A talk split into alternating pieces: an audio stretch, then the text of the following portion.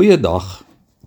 In 1 Konings 3 vers 16 tot 28 lees ons die baie bekende verhaal van twee vrouens of dan twee moeders wat na Salomo toe gekom het om te bepaal wie se kind lewe en wie se kind is dood. Die verhaal vertel van Salomo se besondere wysheid, maar dit vertel ook vir ons wat ware liefde regtig is. 'n ma wat haar kind sal prysgee om hom te laat lewe. Liewe vriende, dalk maak hierdie verhaal baie emosies by ons wakker.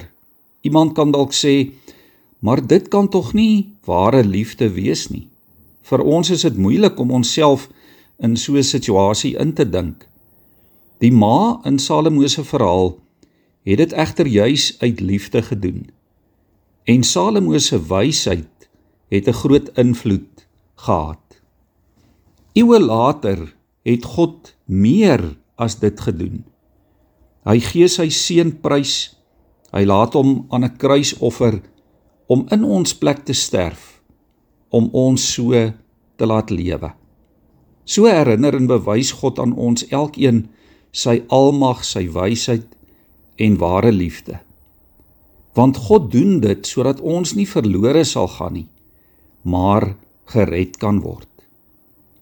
Die boodskap van hierdie verhaal van Salomo het vandag vir jou en vir my besondere betekenis. Ons moet tot God bid vir wysheid sodat ons elke dag besluite kan neem waardeur God verheerlik sal word.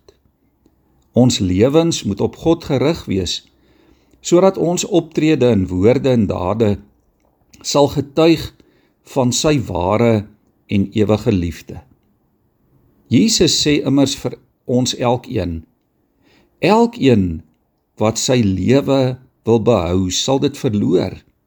Maar elkeen wat sy lewe ter wille van my verloor, sal dit terugkry.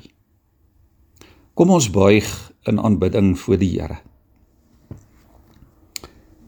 Here, dankie dat ons vandag kan weet dat U vol liefde en vol wysheid is. Ja Here, dat U met wysheid en met liefde ook in ons lewens en in hierdie wêreld betrokke wil wees. En daarom bid ons o Heilige Gees dat U ook aan elkeen van ons as kinders van God wysheid sal gee. Die wysheid om in hierdie lewe in ware liefde op te tree ter wille van die eer van u naam en die uitbreiding van u koninkryk. Here ons gebed vandag is dat u deur u gees vir ons elkeen daarmee sal help met liefde en met wysheid. Amen.